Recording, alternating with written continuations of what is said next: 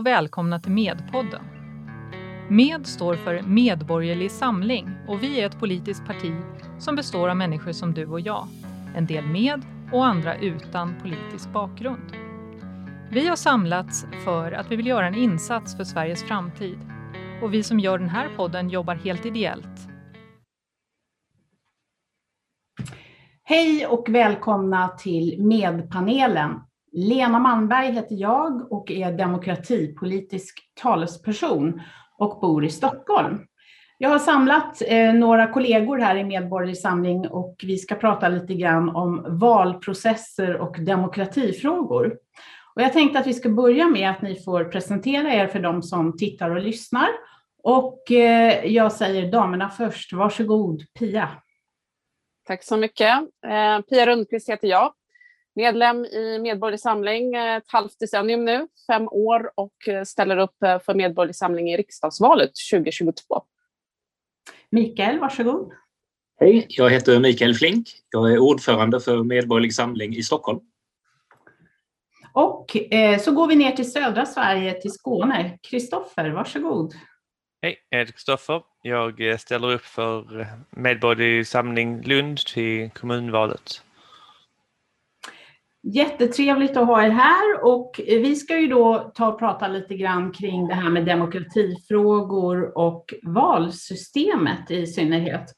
Och det finns ju några sådana här frågor som ligger oss väldigt nära om hjärtat och eh, i den här diskussionen kommer vi fokusera på saker som har med hur det är för ett litet och förhållandevis okänt parti eh, som Medborgerlig Samling ju ändå är i jämförelse med de etablerade gammelpartierna. Och eh, jag tänkte så här att vi ska börja prata om en jätteviktig sak. Det är det här med valsedlar som man kan tycka är, låter jättetråkigt eh, nästan. Men varför är valsedlarna en viktig fråga i demokratihänseende? Är det någon som känner sig hugad att börja diskutera? Mikael, varsågod. Ja, jag vill ju börja med att berätta. Jag, jag var med vid valen både 2018 och 2019 och hanterade valsedlarna för Medborgerlig Samling. Eh, och jag, jag noterade att det är faktiskt en maktfaktor eh, för att eh, skaffa sig en fördel i valen.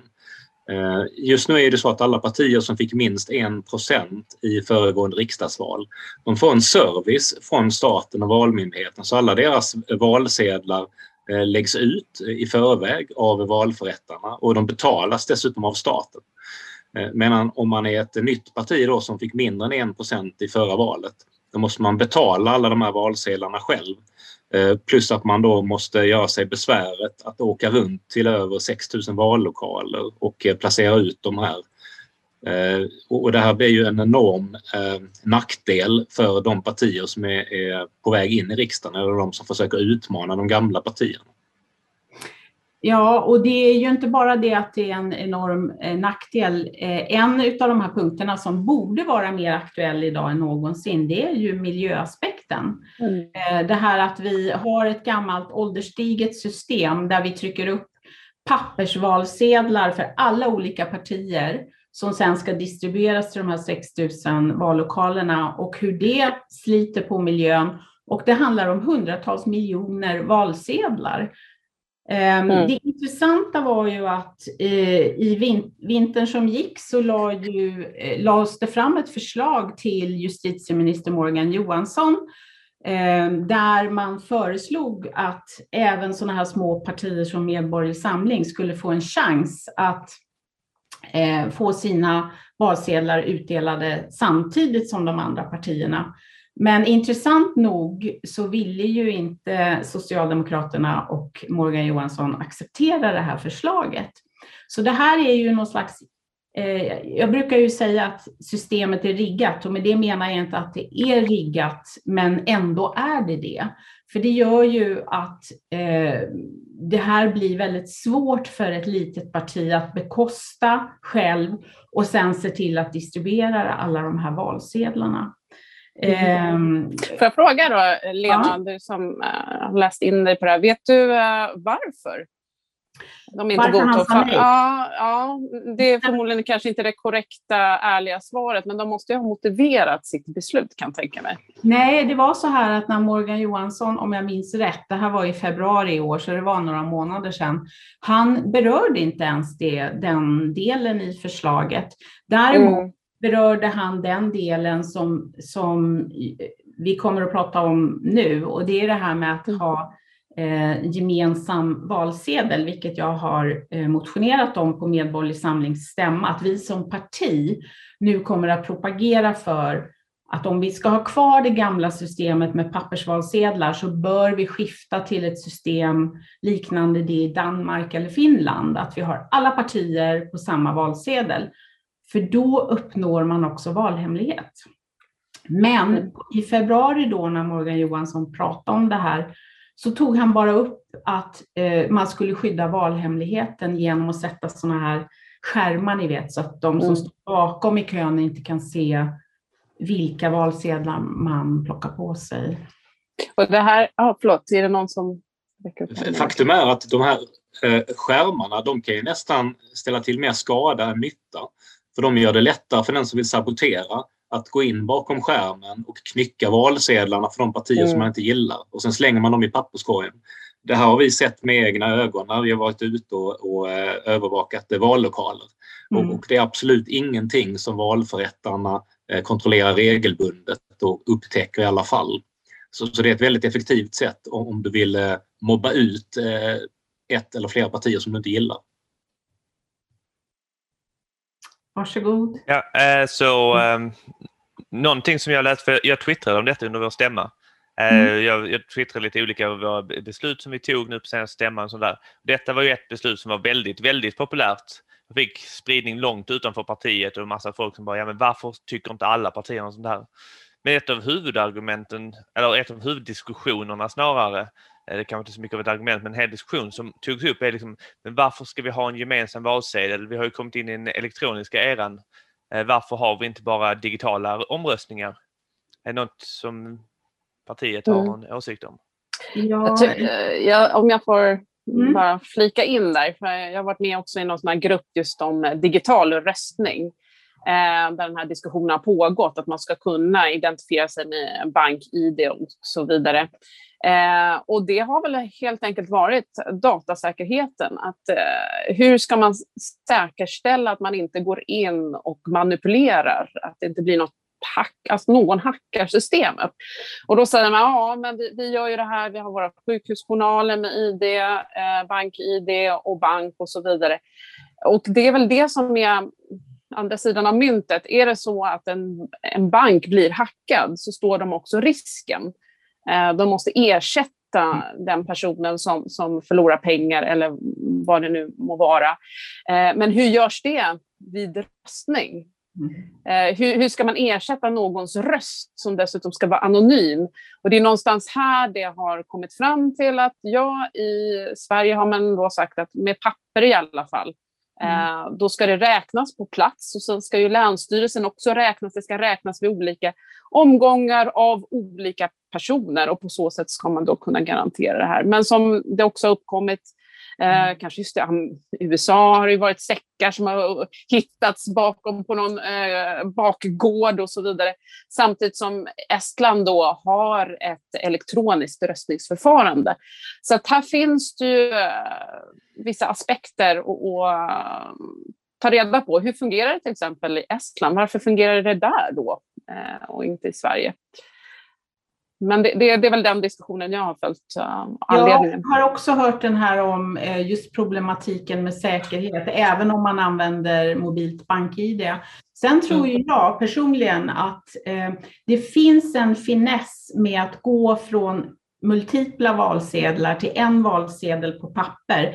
Därför att stora förändringar mottas ofta med skepsis liksom bland befolkningen. Och om man gör det då lite så här steg för steg. Ja, men vi, vi börjar med att i alla fall ha en gemensam valsedel så kan det vara mycket vunnet på att ta det första steget. Ehm, och framför allt vill jag påstå, eh, och det tycker jag var tråkigt att inte Morgan Johansson eh, nappade på det här, eller att han, för han är alltså, jag ska inte säga nappade på, för han har ju inte fått förslaget om gemensam valsedel, för det gjorde inte Valmyndigheten. Mm. Det gör ju vi i Medborgerlig Samling. Men eh, vi hade ju i valet 2018 observatörer från OSSE som hade slagit ner på det här med eh, valsekretessen, att den inte var eh, som den borde. Eh, och har man då gemensam valsedel, då är ju allt vunnet. Eh, allt mm. faktiskt, måste jag säga. Eh, jag vill lägga till en sak innan vi, innan vi släpper det här. Vi har ju också det kända problemet med familjeröstning och, och klanröstning. Där, där familjens överhuvud går in med, med fruarna och, och de andra som, som ska övervakas tillsammans bakom eh, eh, valskärmen och, och kontrollerar att de då stoppar i rätt eh, eh valsedel i kuvertet. Mm. Det, det blir lite svårare eh, att, att kontrollera hur andra röstar då om det bara finns neutrala valsedlar. Där måste jag ändå påpeka, jag tror att det är inte tillåtet att vara mer än en person bakom eh, skynket om man säger så. Det, det stämmer att det inte är tillåtet, men, men mm. valförrättarna erkänner själva att det förekommer. Det förekommer, ja. Mm. Men det är, ju, det är inte svårare än att eh, om jag nu skulle vara min familjs överhuvud, liksom att eh, jag har min familj bakom mig och sen så tar jag helt enkelt det partiets eh, alltså lappar där, där man alla får vara tillsammans. Så ger jag dem bara varsin sån och så får de inte lov att komma närmare de andra lapparna. Mm. Eh, och det hade man ju inte kunnat göra då om man har en valsedel för om jag ger dem valsedeln så kan de kryssa vad de vill sen när de väl är själva. Ja. Så, eh, så det hjälper ju en del där också. Ja, och det är ju faktiskt en, en god poäng, för vi ska komma ihåg att många människor under de senaste decennierna har ju inte med sig den här traditionen av demokratiska val heller, utan det är en, de kanske inte ens vet vilka rättigheter de har. Eh, det får mig faktiskt lite osökt att tänka på, kommer ni ihåg för några val sedan så ordnade ju Mona Sahlin mm. väldigt behjälpligt en liten valskola i Örebro, om jag minns rätt, för att mm. se till att eh, just Socialdemokraternas valkretsar lärde sig hur man skulle göra det här. Ehm, det finns ju en poäng att ha en valskola, men det finns också en poäng med att inte ett politiskt parti ska hålla i en valskola. Ehm, men det, det är ett eh, demokratiproblem att så många människor i Sverige förmodligen, jag säger inte att det är så, men högst troligen och förmodligen inte riktigt har koll på vad de har för rättigheter och hur de eh, kan använda sig av de här rättigheterna. Eh, och det är ett problem. Jag vill också tillägga där, för jag, när du nämnde så, eh, valsedeln, att alla partier ska stå på en valsedel. Det är ju så de har i Danmark. Mm. I Finland eh, så har de ju inte alla partier på en sedel, den blir ju ganska lång då också, eh, utan där har man en cirkel och sen så skriver man ett nummer. Så varje kandidat har ett nummer. Eh, så det måste man ju ha koll på då, men då blir det ju en, stort sett en blank valsedel så skriver ja. man bara det numret och då blir det ju den personen och det uh, partiet. Och det är ju som du säger miljövänligast. Ja. Uh, för de där sedlarna kan ju återanvändas. Alltså mm. med, med, en cirkel kan man ju använda till nästa mm. år och så vidare. Mm. Jag vet inte hur mycket som slängs efter varje val i Sverige, men det måste vara osedvanliga mängder Eh, som eh, bara slängs helt enkelt ja. Eh, för att de inte har använts. Är inte siffran att det är cirka är det inte 500 miljoner valsedlar ja. ungefär som trycks en halv, upp? En halv miljard valsedlar. Mm. Som, och, och rimligen så används ju maximalt kanske 30 miljoner av dessa. Så, ja, så, så du har ju minst 470 miljoner som slängs, mm. antagligen fler. Mm. Mm. Jättebra att höra den där kompletteringen Pia, för att det är ju faktiskt ännu bättre än att ha en med alla partier på. Mm. Så att det är mycket bra komplettering där. Um, men hörni, det finns ju förutom själva då um, valprocessen. Uh, jag, jag, tror det finns andra aspekter där också som vi kommer att komma in på i andra poddar längre fram. Men jag tänker på, vad tror ni är om vi tittar på oss i Medborgerlig Samling och andra småpartier, eh, det här med att vi ska få möjlighet att presentera oss i, i sammanhang som till exempel på public service. Och då tänker jag på att de väldigt gärna presenterade, drog fram Feministiskt initiativ när de kom, för att de var väl då eh, rätt värdegrund för public service och faktiskt livesände från deras partistämmor. Eh, mm. legio idag är ju att man sänder från de etablerade riksdagspartiernas stämmor, vilket jag tycker är jättebra för att det ger ju en helt fantastisk Eh, transparens för de som är intresserade av politik. Och jag tycker ju att det borde vara lika intressant att sända från stämmer från oss och eh, Piratpartiet och Nyans eh, eller andra mindre partier. Hur knäcker vi den här nöten, hörni? Ja, vad, vad, vad, ska man börja? Det finns ju en granskningsnämnd, men, men den är ju ganska ihålig också, för att det är, ligger ju i deras uppdrag. Alltså public service ska ju lyfta eh, de röster som inte hörs i den kommersiella kanalerna. Det är deras uppdrag, en mångfald. De pratar om mångfald Mm. Eh, och det är ju också mångfald av idéer och åsikter. Det är ju det som är det som är dynamiskt i ett, ett demokratiskt samhälle. Att olika åsikter möts, stöts och blöts.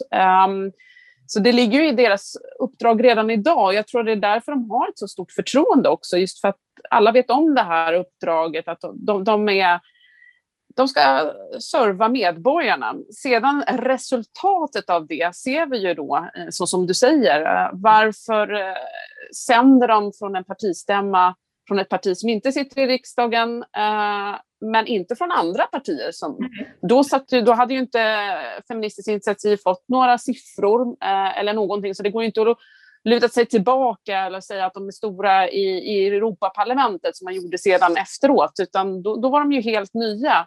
Mm. Um, det, här är, det här är ett demokratiskt underskott, att man, man fjärmar väljarna från de möjligheter som de har i ett demokratiskt val. Hur man ska komma åt det här, ja det har ju Medborgerlig Samling en uppfattning om, ja. men vi kanske kan låta de andra i panelen också ja. säga hur de ser på saken. Det, det, som jag tänker eh, är ju egentligen att vi behöver inte grotta ner oss för mycket i den här frågan, liksom, givet vår position till SVT och eh, SR. Men vi har ju lite av en lösning där redan. Vi vill ju mm. avyttra allt utom P1 och P2 eller vad det står. Vi har precis fått ett nytt kulturpolitiskt program och det går någonting i, i de linjerna liksom att det ska bort med all underhållning, bort med massor av här saker och vi ska ha en kanal som är väl mer eller mindre bara för politisk bevakning liksom så att man kan få ut det här och då blir det lite naturligt om de inte har så himla mycket andra sidouppgifter som de ska hålla på med hela tiden där borta. Då har man tid att gå på alla möjliga stämmor, även små partier, stora partier, mm. mittemellanpartier, folk som inte ens har blivit partier än, om det nu är det. Man får ju såklart fortfarande komma ihåg att de ska ju serva folket och eftersom förmodligen 80 procent av väljarna idag är intresserade av att höra vad Socialdemokraterna tycker vad SD tycker och vad M tycker så är det ju de som ska få huvudfokus för det är ju det som faktiskt flest personer bryr sig om. Eh, men sen är det ju det att vi har stämma en gång om året och de är där en dag. Det är en 365 del. Vi hade faktiskt fler röster än så. Eh, typ. Okay, vi hade ungefär så många röster. Och det liksom, ja, man, man, man hinner ju med det när man börjar få liksom mindre och mindre uppdrag och bara fokusera på det här kärnuppgifterna, eller vad man ska kalla det på public service, som Medborgerlig Samling vill se. Så det, blir, det löser lite sig själv. Liksom. Bra mm. poäng. Som du brukar säga, Lena, det, det finns ju tider på, på nätterna. På, alltså det, sändningstid ja. finns det ingen brist på. Nej. Det är inte så att Medborgerlig Samling kräver att stå i partiledardebatten liksom, på prime time. Det är inte det vi pratar om, utan bara att vi syns vid något tillfälle, när, ja, när det kanske inte sänds någonting annat, när det är den här testbilden. Varför inte sända någonting om eh, medborgerlig samling, ett reportage, en intervju, eh, komma till stämman, det är kanske tre, klockan tre på natten, men, men i alla fall något. Det, det, det, är det som jag inte riktigt förstår där. Eh, och eh, sen om det, det, är det som blir uppgiften när vi liksom smalnar av public service, det, det återstår ju att se. Men om man tittar på vad som är idag, vi kommer inte kunna avveckla public service i första taget, utan först kanske vi ska titta på liksom, vad är det vi betalar nästan mot 9 miljarder skattekronor för. Liksom. Eh, och de kan inte ens komma till vår stämma. Vad, vad, är det vi betalar? Vad får vi för pengarna? Mm. Vi bjöd in dem till stämman. Mikael, varsågod. Mm. Ja, eh, och det, det är inte, inte så mycket vi begär, utan vi, vi begär bara mm. en, en rättvis fördelning av den tid som man får synas i rutan. Och jag tycker det är rimligt att man baserar den på eh, hur många röster man fick i föregående val. Eh, som räkneexempel då, eh, övriga partier får ju någonstans mellan 1 och 2 procent av rösterna. Och låt oss säga att man tillbringar kanske en timme per dag med att exponera olika politiker i rutorna i Aktuellt och Rapport. Det blir 30 timmar i månaden. Och det vore inte för mycket begärt om man tar en och en halv procent av det, det blir ungefär en halvtimme i månaden då som man skulle kunna ägna åt att bevaka det vi kallar övriga partier. Mm. Eh, och just nu så är det ju fyra partier som, som är de största utanför riksdagen. Det är ju Feministiskt initiativ, det är AFS, det är Medborgerlig Samling och så är det Piratpartiet. Eh, så eh, då skulle man en gång i månaden kunna ha en, en halvtimme med vart och ett med, med de fyra partierna. Bara till att börja med. Och sen så finns det säkert andra mm. ännu nyare och ännu mindre partier som man skulle kunna ta in några gånger per år. Men man skulle kunna ha väldigt intressanta artikelserier eller reportageserier. Eh, de nya uppstickarpartierna, ett halvtimmesprogram en gång i veckan. Så kör Ray tio veckor och betar av tio partier. Eh, det, det skulle vara att uppfylla demokratiuppdraget. Kristoffer? För det knyter an lite till, eh, alltså vi är ju liberalkonservativa, men det knyter ju an mycket till det här med liberalismens liksom grundtankar, alltså vetenskapliga grundtankar av att alltså, du måste ju få in nya idéer. Alltså, mm. för, för det är någonting som jag också tycker också är lite, det måste inte vara knutet till hur många röster man fick i förra valet. För det är ju fler personer som kan vara intresserade av vad vi tycker än de som faktiskt bara håller med oss. Ibland så kan ju en motståndare utvecklas av att där kommer upp nya idéer. Alltså om FI kommer på eh, någon, någon ny grej så kanske vi tänker, hmm, men hur fungerar det i vår kontext och så vidare. Så där är ju ett större intresse av det att bara, ju fler idéer man får in i debatten, desto mer intressant blir det.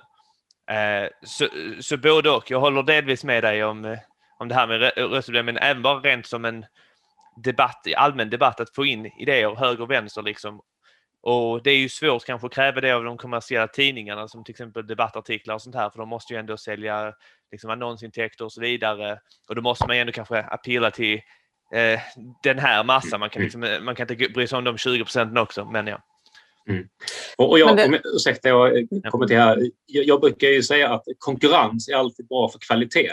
Så mm. fungerar det i näringslivet och jag hävdar att det fungerar så i politiken också. Problemet i Sverige är att konkurrensen är satt ur spel. För, för eh, medier och, och, de gamla partierna de har med gemensamma krafter lyckats kväva de eh, nya uppstickarna. Så därför så slipper de all form av konkurrensutsättning. Och, och enligt mig så leder det till en, en sämre produkt, en sämre tjänst, en sämre politik. Pia? Får jag um, tillägga där. Och där kommer in till en väldigt intressant uh, frågeställning som många också ställer sig. Kan man ha en neutral uh, public service? Är det ens möjligt? Uh, den, den, består ju ändå av människor som har en subjektiv uppfattning om saker och ting. Eh, det kanske är bäst att bara ha renodlade, ja, den gamla eh, höger-vänster-skalan Eh, vi kan ju vidga den på olika håll och kanter. Men där det är tydligt uttalat vilken typ av eh, nyhetsförmedling eller vilka, ja, som man har i olika dagspress. Man har en ledarsida som är till exempel liberal eller konservativ eller social, eh, socialistiskt. Eh, så att man vet vad det är man, man får. Eh, det, det är kanske det som är vägen framåt och inte låtsas som att oj, vi är neutrala oberoende. Det verkar ju inte fungera så bra så att säga. Nej. Kristoffer? Ja, det, det, när man, alltså det problemet är väl egentligen granskningsnämnden och det här de pratar om att när man, alltså man behöver hela tiden göra saker för att låtsas vara neutrala också. Mm. Eh, till exempel den här debatten där, eh, där SVT tog avstånd från allt eh, Åkesson sa. Mm. Det, är liksom, mm. det gör man ju då för granskningsnämnden och det är någon, någon så här cirkus. Liksom. Vad man egentligen borde göra och ett enkelt sätt att vara neutralt är att inte kommentera på vad det är som händer. Exakt, men det här Så är där problemet ligger. Att Mm. det finns, eh, och, det, och det är ju det här som är, det är därför jag brukar eh, bjuda in Jan Helin som är eh, programdirektör på SVT. Därför att SVT äger ju problemformuleringsprivilegiet. Det är de som bestämmer. Ytterst överst sitter det alltid någon där uppe som bestämmer eh, hur det här ska presenteras. Och, eh, det är ju inte själva journalisten vid bordet som helt plötsligt går ut med det här, utan det här har ju kommit uppifrån som ringer till någon till kontrollrummet och säger att det här står inte vi bakom. Och eh, jag har till och med hört att, eller både läst och hört förslag om att man skulle dela upp public service i, i två parallella universum, liksom ett vänsterlutande och ett högerlutande. Så kan man liksom välja, då, är, då kör man ju liksom helt transparent. Ja, men det här är vår, eh, vårt sätt att presentera nyheter, för det går aldrig att uppnå den där opartiskheten. Mikael? Helt enig. Och jag menar att bästa sättet att göra det, att göra helheten neutral, det är att tillåta en mångfald, en många, många aktörer som var och en representerar olika vinklar. Eh, Och det blir nästan omöjligt när vi har en jättestor elefant i rummet som konsumerar allt syret. Med, med 10 miljarder i, i eh, budget, eller 9 har de väl, så, så eh, blir de en sån koloss som, sörplar i sig allt intresse och alla journalister och blir så dominanta. Så det finns inte plats för de mindre eh, aktörerna att, att synas eh, eller, eller konkurrera om utrymmet. Har du däremot bantat ner eh, Sveriges Television med, med eh, säg 90 procent så, så att man bara har 900 miljoner istället. Då, då hade alla de eh, journalisterna som inte avlönas av, av Sveriges Television, de skulle kunna jobba på andra aktörer istället. Ja. Och det skulle finnas en efterfrågan från tittarna att kanske betala för media med egna pengar. Och då skulle du kunna ha en 5, 10, 15 olika nyhetskällor istället. Där du säger att det där är en liberal kanal, det där är en socialistisk, det där är en liberalkonservativ och det där är kanske en konservativ. Och så, och så kan du då själv bilda dig en uppfattning och tänka till lite själv när du får fyra olika beskrivningar och vinklingar av vad som faktiskt har hänt. Men då skulle Mm. vi ju ha fria medier på riktigt. Ja, Och det, det där är ju frihet. Det, det är ju det Mm. hela tiden eh, etablissemangspartierna, utan att nämna några, hävdar att eh, fria medier, det är public service. Public service är inte fritt. Det är en ofri Mm. organisation eh, som eh, agerar taltratt Mm. åt de som äger Mm. problemformuleringsprivilegiet. Mm. Och detsamma gäller pressstödet. Varsågod. Kristoffer. Eh, Det, det som jag bara ville återkomma till då, som jag hade som poäng, det är att om, alltså jag, jag tycker inte alls om det här med att vi delar upp det i två. För vem säger att de här två kommer representera alla? Jag menar, jag tycker ju till exempel att, alltså jag tycker SD är ett tydligt vänsterparti, men hela, alltså så här mediasfären och alla journalister säger att de är ett eh, högerparti. Mm. Och då hade de hamnat i högerblocket. Alltså då, då, deras väljare Mm. hade ju inte känt igen sig där och då hade de liksom varit var är vi?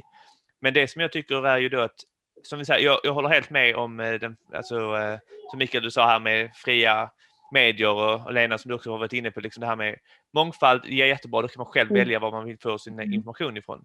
Och det som SVT och de här då ska göra, det jag menade också med när vi skalar tillbaka SVT, ha en kamera, filma folk filma debatter, låt, då, alltså filma på stämmor, Mm. säg ingenting. Då blir det liksom, då är du neutral. Du är bara där och observerar vad som händer eftersom du är en kamera. Du håller kameran, du håller mikrofonen och du kommenterar inget. Du kan ju säga, detta är eh, Socialdemokraternas partistämma. För det där är en objektiv sanning som är jättesvår att inte säga på ett neutralt sätt. Och sen så har vi, ja sen kommentarerna kommer ju då till alla alla fria medier, alltså riktiga fria medier. Ja, här skulle man ju kunna behandla alla lika då. Eh, Men när vi har tittat på de här eh, sändningarna från alla de etablerade partiernas stämmor så är det ju snack i pausen och intervjuer och hela paketet. Men rent krasst, precis som du säger Kristoffer, borde ju SVT bara gå in och ställa upp en kamera, se till att det här skickas ut eh, och göra det för alla partier som har ambitionen att ställa upp i riksdagsval. Det är där, där tycker jag är en rimlig gräns, riksdagsval. Pia, varsågod. Ja, eh, vi vill ju ha fria medier och det vi brukar höra då är ju liksom okej, okay, eh, men då blir det ju mer bubblor, eh, mer avstånd mellan medborgarna för då köper man ju sig den media som man håller med. Eh, så att det blir ännu större glapp eh, mellan de olika. Det blir mer polariserat helt enkelt. Det, och det är det som då public service vill överbrygga enligt deras uppdrag, men som de inte efterlever. Och det är någonstans här att vill de överleva så borde de ta åt sig av det här och det är väl det som också Medborgerlig, eh, Medborgerlig Samling säger att det sitter för mycket i väggarna. Mm. Eh, det har blivit en så pass stor koloss uh, som också nämns. Det suger in alla journalister. Du får lön oavsett vad du gör, hur dåligt du skriver. Det blir väldigt fat and happy. Uh, det blir inte det här liksom, kniven mot strupen, nu måste vi liksom jaga nyheter och få, få fram sanningen. Så det här är ju också någonting som jag skulle vara intresserad av att höra från er i panelen. Vi är ju liksom liberalkonservativa, må alla åsikter och idéer frodas. Men om den är helt fri och vi ska gå ut på marknaden och köpa vår media, eh, blir det då inte bubblor? Alltså sociala medier, som sociala medier fungerar idag, det är lite så bubblor. Är man nyfiken på hur de andra tycker och tänker, kan inte det bli en polarisering i samhället? Mikael. Jag anser att vi redan har bubblor idag. För vi har ju de här helt dominanta mm. medieaktörerna. Vi har eh, Sveriges Radio, vi har Sveriges Television, vi har Dagens Nyheter och så har vi Svenska Dagbladet. Där, där har du dina fyra bubblor i, idag. Eh, och eh, jag tror att ett av de stora problemen eller anledningarna till att vi har fått de problem vi har i Sverige idag, det är att eh, medborgarna har resignerat från sitt ansvar att hålla sig uppdaterade med sin samtid, eh, bilda sig en uppfattning i de centrala samhällsfrågorna samt våga tycka någonting. Eh, de eh, är så lata nu för tiden så att man låter sig matas med åsikter och verklighetsbeskrivningar utan att tänka själv. Mm. Och det är faktiskt så att ett samhälle blir aldrig bättre än sina medborgare. Det blir aldrig bättre än sina väljare. Så alldeles oavsett vilken Eh, mediamodell vi, vi kommer att ha så, så vilar det ett ganska tungt ansvar på var och en av de medborgare som, som ska vara med och bygga upp det här landet. Så, så det, det, behövs ju en, en allmän skärpning ute i stugorna. Att kanske eh, dra ner lite på andra saker man lägger tid på eh, och inte bara engagera sig i politiken en vecka vart fjärde år eh, precis innan valet eh, utan kanske titta in lite grann då och då i samhällsdebatten och de politiska kamrarna och engagera sig. Och där vill jag gärna eh, komplettera för att det här är ju en jätteviktig fråga, demokratifråga att eh, på 60-talet så var ju mer än en miljon svenskar engagerade i politiska partier. Och den siffran har ju bara dalat och idag är det färre än 200 000 tror jag som är medlemmar i politiska partier. Eh, och därför, precis som du säger, och det märker ju vi Eh, i Medborgerlig Samling, jag behöver bara gå till mig själv, för jag har aldrig varit politiskt engagerad tidigare. Jag har alltid varit politiskt intresserad men, in, men stått utanför att vara aktiv. Eh, men sen kände jag, det här är min personliga erfarenhet, vid decemberöverenskommelsen som jag uppfattade som en ty, ett tydligt övergrepp på våra demokratiska principer. Då förstod jag att det här som jag hade haft överseende med sedan 90-talet, att politikerna schabbla och att de inte var så bra och det blev taffligt och jag var missnöjd helt enkelt som eh, medborgare och skattebetalare. Då insåg jag att det här kommer inte ändra på sig utav sig självt, utan det är precis som du säger Mikael, man måste någonstans resa sig ur tv-soffan. Och då pratar jag inte om den på tv-huset utan jag pratar om den hemma. Och bestämma sig för, vill jag se till att få till stånd en positiv förändring så måste jag engagera mig. Och den svagaste länken i en demokrati är varje individuell medborgare. För finns det inte en vilja där att arbeta för det här så kommer det här inte att fungera. Så enkelt är det. Kristoffer? Nej, det var från innan. Jag vill bara kommentera på Pias eh, idé om, om bubblorna. Mm. För jag, menar, jag, jag håller väl med som att det är väl risker med polarisering. Men sen tänkte jag lite på det medan ni satt och pratade. Alltså vi har ju, alltså jag kollar själv mycket på Youtube, jag lyssnar mycket på poddar. Där har du ju dina fria medier idag. Det är mm. ju enmansföretag som sitter mm. och säger sin egen personliga eh, liksom, övertygelse. Det, det är nästan bättre, alltså om man nu ska vara så här mot polariseringsgrejen, om du hade haft ett par tidningar där det ändå jobbar tio personer som kanske pratar samman sig lite. För nu skulle du kunna ha en radikal ledare som bara polariserar folk åt en jätteskum riktning. Liksom. Men vi har inte sett att det riktigt händer. Eh, och det tänker jag är väl för att man vill inte bli polariserad så man märker det. Jag har ändå lite så här hopp om att folk kan tänka sig ur detta och sen lyssnar man lite här, lite där och sen väljer man åt det håll man känner sig mest bekväm. Du menar att, mm. att folk vill ha en slags eh, förnuftig balans i alla fall så att man inte blir eh, helt splittrad? Det, för det är väl det vi vill ha. Harmoni är ju liksom eh, ligger ju i människans natur att ha. Vi, vi söker inte kaos frivilligt utan eh, vi vill ha harmoni. Pia? Mm, jag tänkte spinna vidare på det där engagemanget i mm. samhället. Här eh, tycker Medborgerlig Samling, som jag också väldigt starkt eh, håller med, det är ju att man ska ha separata valdagar. Ja. Jag tror att skiljer man på kommun, region och riksdagsval så blir det mer engagemang. I dagsläget är det få som vet vilka som representerar dem i sin egen kommun eller på regionsnivå. Det blir ofta att man, man hänger med lite i riksdagsvalet och sen så tar man samma sedel liksom i de andra valen. Och jag tror att ah, separerar man det här, då blir det mer, mer nära en själv också, just i kommunvalet. Vad är det för frågor egentligen som avgörs, som ligger mig nära till hands, som, som jag måste ta ställning till? Så det, det, det, tycker jag också är någonting som Medborgerlig Samling är väldigt starka i. Att separera valdagen så att det blir närmare medborgarna och det som politikerna faktiskt tar beslut om, som berör dig. Mycket bra poäng där, Pia. Mikael? Och det här systemet har vi redan i Danmark. Danmark hade ju alldeles eh, nyligen eh, sin motsvarighet i kommunalvalet.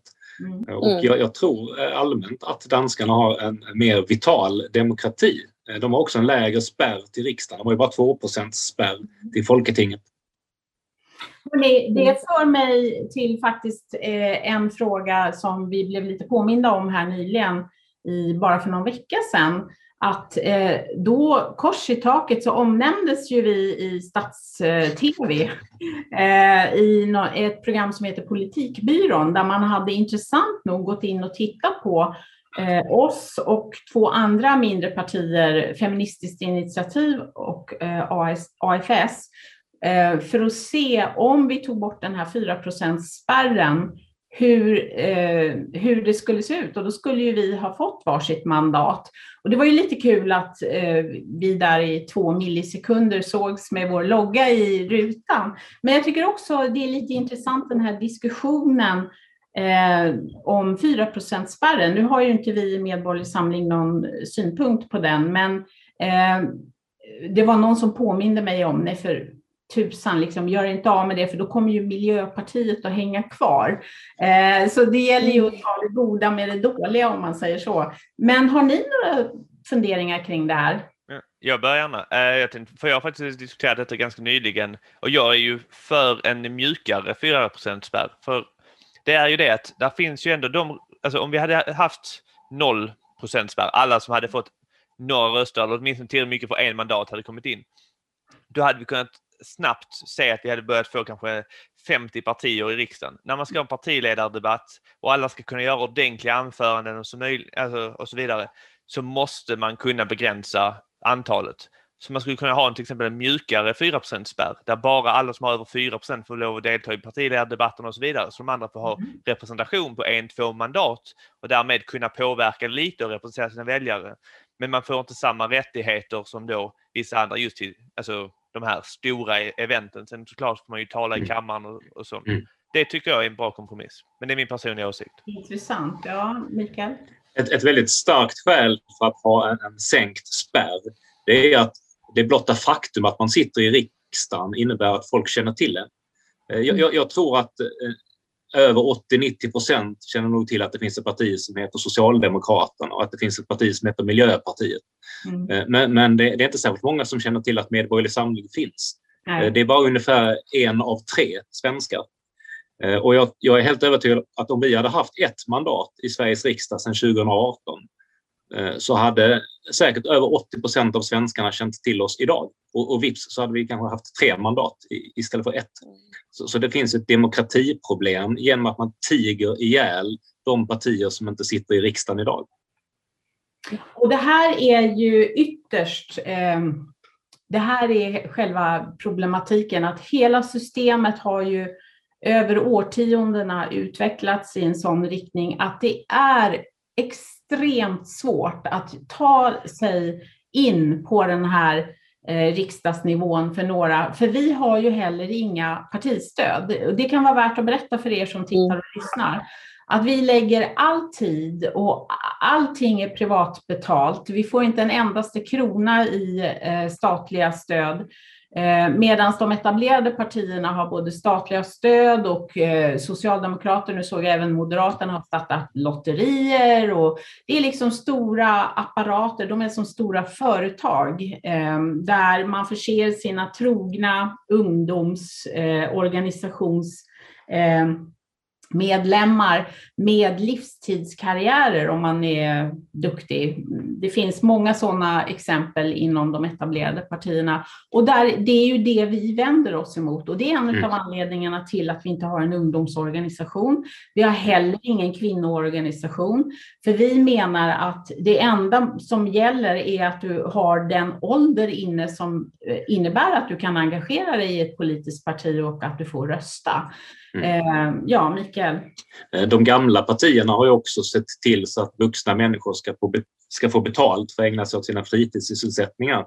Eh, och det är därför du då kan få bidrag för att ha ett ungdomsförbund och sen så har du ett kvinnoförbund och sen så har du ett kyrkoförbund och sen så har du kanske någon, någon idrottsförening för vuxna ovanpå det. Och varje mm. sån här liten grupp då får bidrag och andra typer av omkostnader betalda med skattemedel. Det här är, mm. Vi vill ju att de här pengarna ska inte gå in i transferiatet utan de ska stanna i våra fickor och sen får vi bestämma hur vi vill spendera de här pengarna. Och när du säger vi så menar du vi medborgare, inte vi i medborgerlig Nej, precis. Jag menar alla skattebetalare. Skattebetalande medborgare och sådana som bor i Sverige och betalar Ja, invånare helt enkelt. Invånare. Tack Mia, det är viktigt. Och så gissar vi att de kommer att spendera färre, på, eh, färre kronor på socialdemokratiska ungdomsföreningarna, eller? Sannolikt. Ja, eh, sannolikt. ja, det vet man ju inte förrän man sätter det här i system. Alltså. Men det är ju det som är problemet, att eh, systemet är inte fritt idag. Det är styrt av skattemedel och det är styrt av problemformuleringsprivilegier. Det är styrt av utnämningsmakten. Det är så mycket som gör att Mm. Eh, det sätts upp den ena hindret efter det andra för nya aktörer att ta sig in. Eh, men vi kämpar på. Hörrni, eh, det här är ett jätteintressant ämne och det finns säkert all anledning att återkomma. Eh, men jag tänkte så här att vi ska runda av för den här gången. Och då vill jag ta upp en liten sak som är väldigt intressant med tanke på att vi nu går in i ett valår om ehm, ja, en månad börjar ju valåret. Och det är att igår såg jag till min stora förvåning och förfäran att en eh, socialdemokratisk eh, eh kommun, eh, alltså som sitter och är aktiv i Socialdemokraterna i Stockholms kommun, hade friats i såväl tingsrätt som hovrätt för att hon och hennes kompis hade gått ut och rivit ner valaffischer som tillhörde Sverigedemokraterna. Mm. Och eh, det här har ju vi varit med om i valen eh, både 2018 och 2019 till EU-valet. Eh, och då menade både tingsrätten och hovrätten att eh, Sverigedemokraterna kunde inte påvisa att de hade lidit skada för, alltså är det inte olagligt att riva ner andra partiers eh, valaffischer. Jag måste säga att det här gjorde mig väldigt nedslagen för att jag tror att det kommer att betyda att det är öppet fält. Liksom, riv ner, det du inte gillar, det kan du stampa på och riva sönder. Så det kommer att bli en obehaglig och otrevlig ton där ute på eh, gator och torg, tror jag tyvärr. Och jag har redan sett det. Ehm, några synpunkter från er övriga? Ja, det, det sticker ju extra mycket i eh, ögonen eftersom Socialdemokraterna brukar beskriva, beskriva sig själva som demokratins och det fria ordets försvarare. Eh, mm. Den liberala demokratins stöttepelare som står upp mot de mörka populistiska krafterna som försöker fördärva demokratin. Eh, jag tycker att det här indikerar att det kanske snarare är tvärtom. Eh, och jag måste säga att personligen så driver jag gärna en politik där det ska bli straffbart att eh, sabotera val. Eh, att göra den här typen av angrepp mot demokratin och yttrandefriheten är ett ganska grovt brott i min bok. Skall rendera fängelse. Jag tycker att det är helt oacceptabelt att man ger sig på själva fundamentet i den liberala demokratin att folk ska få kommunicera sina åsikter, ställa upp i, i en rättvis och jämn tävlan eh, och därefter utvärderas på sina åsikter och inte på hur mycket mediautrymme man lyckas eh, kapa åt sig. Mm. Mm. Pia och Kristoffer, några ord om det? Ja, ja, för oss då som dessutom betalar det här ur egen ficka, mm. Um, om någon river ner våra valaffischer, det är ju våra egna pengar. Som då, som, om det nu är sossar som skulle riva ner våra valaffischer, deras valaffischer, de eh, har ju sina skattepengar och eh, trycker upp nya och sätter upp dem då och tycker väl inte att det är så mycket att orda om. Medan vi har tagit det från egen ficka och jag kommer ihåg här från EU-valet eh, där det revs ner våra valaffischer. Vi gick ju runt och plockade upp dem och strök till dem och satte upp dem igen för att det är en ansenlig kostnad. Eh, varje valaffisch som dras ner är ju någon som har betalat för. Och det är den här, eh, inte bara liksom respekten för demokratin också, men det är också skattepengar och våra egna pengar, de som har investerat i att vi ska ha en eh, levande demokrati. Vad får det för effekter om, om till exempel sossarna är de flesta som river ner? Ska vi bara se sossarnas valaffischer? Vad ger det för samhälle? Jag, ja, jag tror att folk måste tänka lite längre. Ja, och det här blir ju också en, en rättvisegrej för att vi betalar ju inte bara våra egna valaffischer, vi betalar sossarnas också. Genom skattsedeln, korrekt. Ja. Hörni, mm. eh, man skulle kunna säga det här som jag brukar tjata om, it's okay when we do it. Liksom att eh, man sätter på sig den här att eh, det, är de, det är de som formulerar eh, vad de anser är mörka krafter, precis som du var inne på Mikael, och, och då ger det dem rätt att sabotera för andra. Um, ja, jag tänker så här att vi avrundar för den här gången och eh, vi har säkert all anledning att komma tillbaka i de här frågorna på det nya året. Men jag tackar eh, Pia Rundqvist, eh, riksdagskandidat från eh, Nacka, eh, Kristoffer Pichler från Skåne och Mikael Flink, ordförande för Medborgerlig Samling i Stockholms stad och Stockholms distrikt. Och så säger jag på återhörande. Tack och hej då! Tack så mycket. Tack så mycket. Hej då! Hej då! Du som har lyssnat på podden, återkoppla gärna till oss i Medborgerlig Samling i kommentarsfälten. Du har nu lyssnat på Medpodden, en podcast från Medborgerlig Samling.